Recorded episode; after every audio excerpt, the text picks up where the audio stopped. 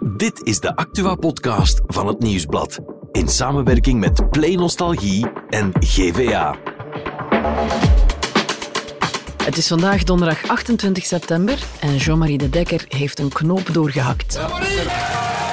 In Rusland kijken ze stiekem naar de Barbie-film. Hi Barbie!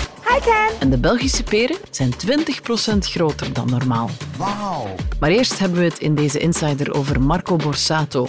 Die wordt vervolgd voor seksueel misbruik van een minderjarig meisje. Hoe is de Nederlandse superster zo ontspoord? Ik ben Nathalie Delporte. Welkom bij de Insider. Het was even geleden dat we nog iets hoorden over de zaak Marco Borsato, maar gisteren was hij overal nieuws.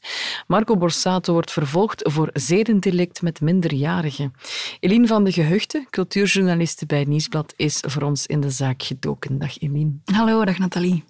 Wat is hier precies gebeurd? Over welke zaak gaat het hier? Ja, het gaat over van alles, uh, maar één zaak specifiek, namelijk het misbruik van een minderjarig meisje. Ja, dat nieuws is uh, gisterenochtend, gisteren voormiddag bij ons eh, binnengelopen op de redactie. Ja. En dan wisten we wel meteen van, oei, oké, okay, opnieuw um, groot nieuws rond Marco Borsato. En hoe moet je dat misbruik definiëren? Ja, het gaat over een, um, een jonge vrouw die klacht heeft ingediend eind 2021, dus dat is al even geleden. Maar de klacht gaat over feiten van nog langer geleden, van toen zij zelf nog minderjarig was. Ja. Um, de feiten hebben zich afgespeeld, of de vermeende feiten liever, speelden zich af tussen 2014 en 2019. Toen was zij 15 mm. en het gaat over handtastelijkheden. Zij beweert onder meer dat Marco Borsato te veel aan haar uh, borsten, aan haar billen zou gezeten hebben. Dat toen ze een rokje droeg, dat zijn handen iets te ver tussen haar benen streelden. Uh, dat soort zaken. En wie is dat meisje? Ja, dat meisje, inmiddels jonge vrouw, was iemand uit de persoonlijke kring van Marco Borsato. Haar naam mogen we niet delen. Die is bij een aantal redacties bekend, maar uh, zij blijft anoniem zolang het onderzoek loopt. Borsato zelf was eigenlijk een beetje vriend des huizes uh, van, het, van het meisje of van haar gezin, omdat haar moeder werknemster was van hem. Dus uh, haar moeder was assistente, een soort secretaresse voor Marco Borsato. Er was een vertrouwensband uh, tussen Marco Borsato en, en het meisje, te meer omdat haar vader is overleden aan zelfdoding, dus is die op jonge leeftijd verloren. En ja, Marco Borsato heeft zichzelf een beetje opgeworpen als een soort van pleegvader, een surrogaatvader. Uh, heeft, heeft het meisje gesteund. Um, het gezin heeft daar heel veel aan gehad. Dat heeft ze zelf ook verklaard. In haar verklaring aan de politie, die verschillende kanten konden inkijken, ze heeft onder meer verteld dat Marco Borsato er was om mee te gaan winkelen. Ze heeft een fiets gekregen van hem. Hij was er op haar diploma-uitreiking. Ja. ja, dat maakt het allemaal extra wrang natuurlijk nu. Ja, absoluut. Maar hoe zijn die feiten dan aan het licht gekomen? Ja, op een redelijk opvallende manier. In 2019 is de moeder op het dagboek van het meisje gestoten. En daarin stonden ja, die feiten redelijk minutieus beschreven. Zij heeft zo het gesprek aangekaart met haar dochter. En uiteindelijk is zij ook, bij wijze van spreken, met het dagboek in de hand naar Marco Borsato gestapt. Zelf naar hem? Ja, effectief. Zij hadden ook wel die band. Er was een mm. vertrouwensband. Dus zij kon ook gewoon wel bij hem aankloppen uh, op elk moment van de dag, zeg maar. Dus zij hebben een poging gedaan om die kwestie te bespreken. Hebben daar zelfs ook professionele hulp voor gezocht. Zij zijn samen naar een therapeut gegaan. De moeder om, en de dochter? Ja, de moeder en de dochter en Marco Borsato er ook bij. Oké, okay. en heeft dat geholpen? Ik zou denken van niet, want het heeft uiteindelijk alsnog tot een klacht geleid. Eerst door de moeder en dan uiteindelijk eind 2021 heeft ook het slachtoffer in kwestie klacht ingediend. Ja, Eline, ik vat het even heel kort samen. Dus 2019, die moeder van het meisje vindt dat dagboek, gaat met het dagboek naar Marco. Ze praten met z'n drieën. Er komt uiteindelijk toch een klacht van. En het meisje dient in 2021 zelf ook nog een klacht in. En nu is er de vervolging. Uh, maar misschien moeten we even nog een pakje verder terug in de tijd. Marco Borsato als persoon. Ja, we kennen hem allemaal als zanger natuurlijk. Mm -hmm. Maar schets hem nog eventjes. Ja, een heel belangrijk figuur natuurlijk in de Nederlandse ja, muziekwereld, showbizwereld ook. Um, Marco Borsato is ondertussen 56, maar zijn carrière is eigenlijk begonnen met de Soundmix Show. Ja.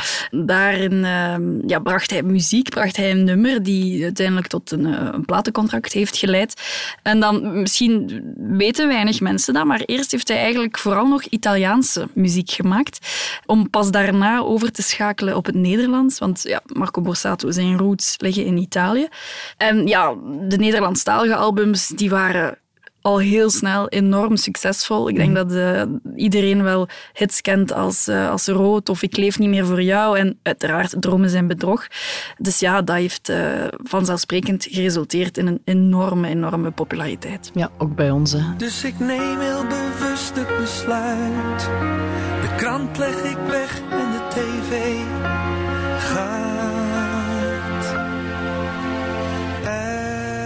de eens zo gevierde artiest. Maar hij heeft er wel zware jaren op zitten. Niet alleen nu, maar de problemen begonnen eigenlijk al in 2009 met een faillissement. Ja, absoluut. In 2009 is het verkeerd gelopen met zijn bedrijf, de Entertainment Group. Hij had daar enkele miljoenen in geïnvesteerd. Het was een bureau dat eh, Nederlandse artiesten en evenementen onder de arm nam. Maar dat bedrijf is dus in financiële problemen gekomen.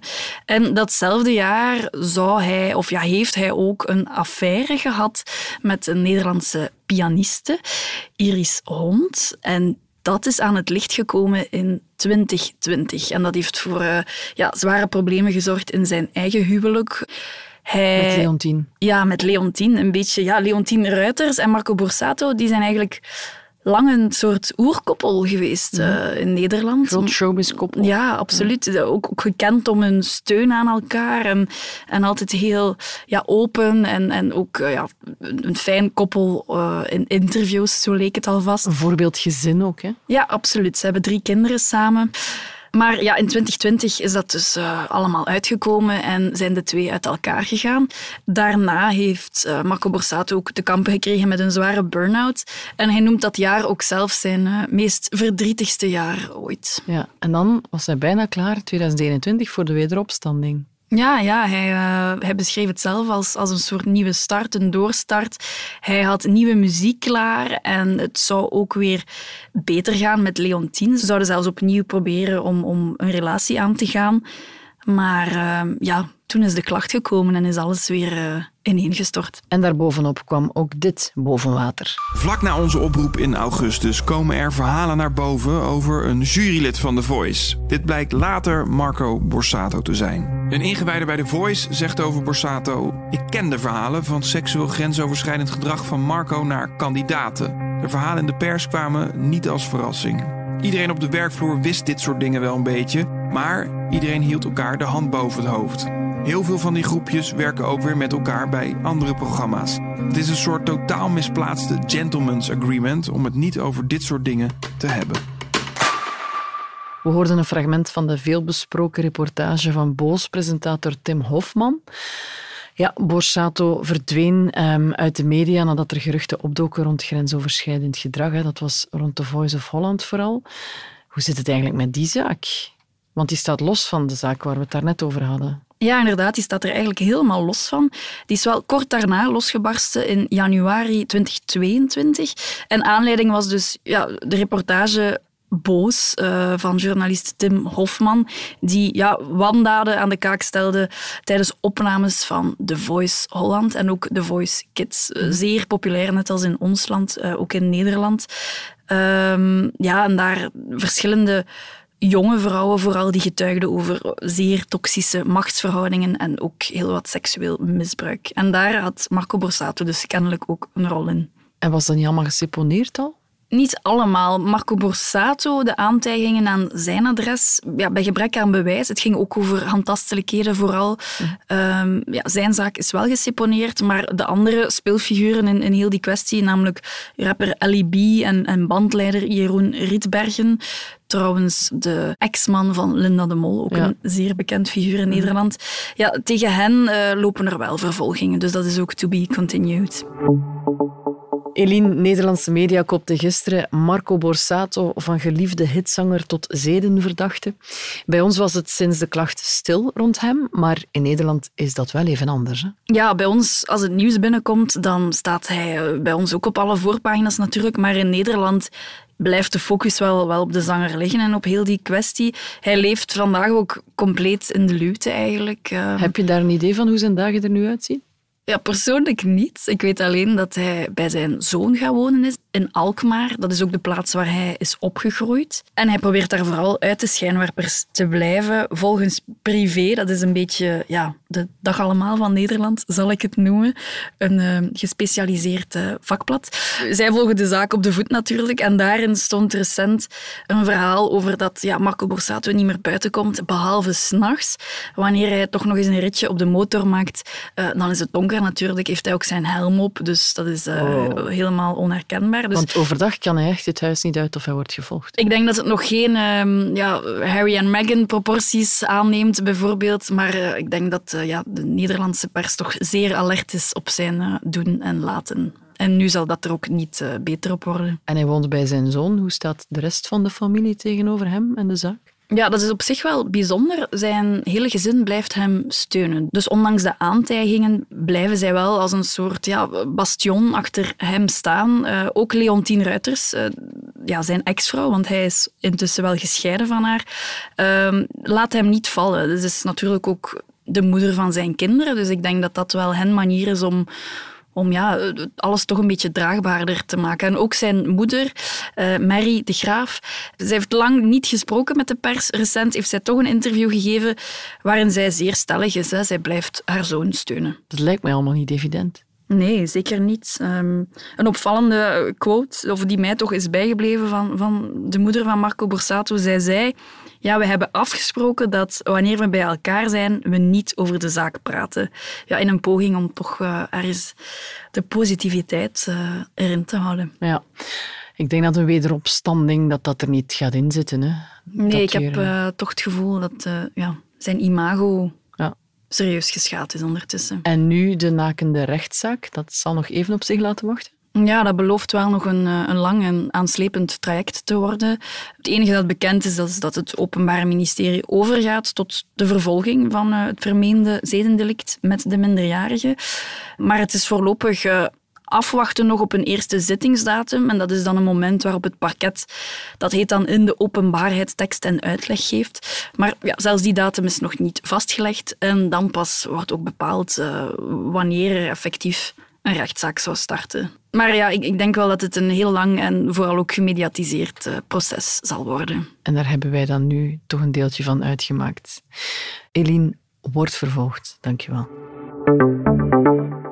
En dan nog over naar het andere nieuws van vandaag. Dag Bert. Dag Nathalie. Politiek nieuws van de dag. Jean-Marie de Dekker gaat gewoon de N-VA-lijst trekken en er komt dus geen revival van LDD-lijst de Dekker. Nee, nee, nee. Ondanks maandenlange speculatie komt er inderdaad geen nieuwe LDD. Um, hij blijft gewoon bij N-VA. Nu, het was wel een, een soap eigenlijk hè, deze zomer. Ja. Iedereen ging eigenlijk op de koffie bij Jean-Marie en bracht zelfs cadeautjes mee voor zijn vrouw. Ja. Om Jean-Marie toch maar te overtuigen om bij hem te komen. Mm -hmm. uh, N-VA deed dat. Bart Wever is daar geweest. Uh, Vlaams Belang is daar ook geweest met Tom van Grieken. Um, en dan was er ook nog vooral ja, de vraag van gaat hij nu eigenlijk echt een nieuwe lijstendekker opstarten, een ja. doorstart? Maar blijkbaar ja, is dat toch geen goed idee, is dat toch geen zekerheid op uh, genoeg succes en heeft hij gewoon eieren voor zijn geld gekozen okay. en gaat hij gewoon natuurlijk als lijsttrekker uh, naar de verkiezingen. En op welke lijst staat hij? Hij staat op de lijst voor de Kamer. En Sander Lones, ja, dat is het andere N-VA-kopstuk in West-Vlaanderen, hm. die gaat dan lijsttrekker worden voor het Vlaams parlement. En dan gaan we nog even over naar Rusland. Daar is een handig trucje gevonden om toch de Barbie-film te bekijken in de cinemazaal. Ja, ja. Vertel. Ja, grappig wel. Heb jij hem al gezien trouwens, Barbie? Uh, nee, de rest van het gezin wel. En die willen mij meesleuren zodat zij nog eens kunnen gaan. Zo tof vonden ze het Ja, ja, ik vond hem ook wel goed. Wel nogal feministisch. Eh, en eh, als vent zit je daar zo'n beetje in de zaal van oei. Niet in Bert, Ja. niet in trance. Ik moet hier eigenlijk niet zijn. Maar wat, het, ik vind het een goede film. Met mijn dochters eh, bekeken trouwens. En ja, ik snap dan ook wel dat in Rusland is hij verboden. Want ja, je zou maar eens op verkeerde gedachten kunnen komen. Officieel is de film verboden, want hij is niet in overeenstemming met de doelen die Poetin heeft gesteld voor het behoud en de versterking van de traditionele morele en spirituele waarden. Mijn god. Ja. Nu, de Russen hebben daar iets op gevonden. Ja?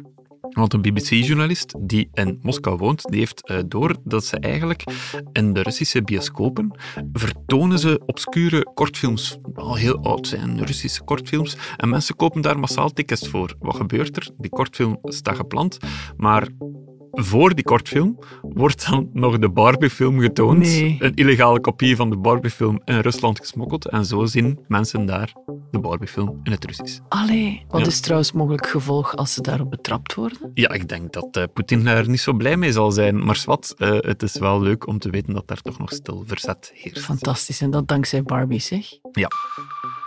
Dan over naar het regionieuws. In Limburg zijn ze blijkbaar blij met de perenoogst. Jawel, want, Nathalie, de peren in Limburg zijn 20% groter dan normaal. En hoe komt dat? Het weer. Ah ja. Ah ja, het was natuurlijk een heel natte zomer, dus de perenbomen hebben zeer veel vocht opgenomen. En dan nog de goede nazomer, wat zorgt voor een goede rijping. Ik heb zelf ook gewerkt eh, aan mijn druiven eigenlijk in de hof. Eh, Ah die ja, juist, ja. Ja, ja, ja. ja. Dus ja, allee, eh, zeer goed voor het fruit. En ehm, ja, grote, mooie, zoete peren. Ik vind het trouwens zo'n beetje een onderschat fruit, de peer. Ja, Ja. Mensen gaan meestal voor de appels en de bananen en zo, maar de Ja. peer? Ja. ja, dat is wel lekker. Maar het probleem is altijd, wanneer je hem op? Hij kan te hard zijn. Ja, ja. Of Hij mag niet te zacht zijn, want Er is zomaar een, een ja. miniem frame van Ja. dat die echt perfect is. mag niet te moesje worden. Maar Nee. we moeten ze nu wel blijkbaar allemaal kopen, want ze zijn super. Zeer lekker. Oké, Dankjewel Bert. Morgen zijn we er weer voor een nieuwe Insider.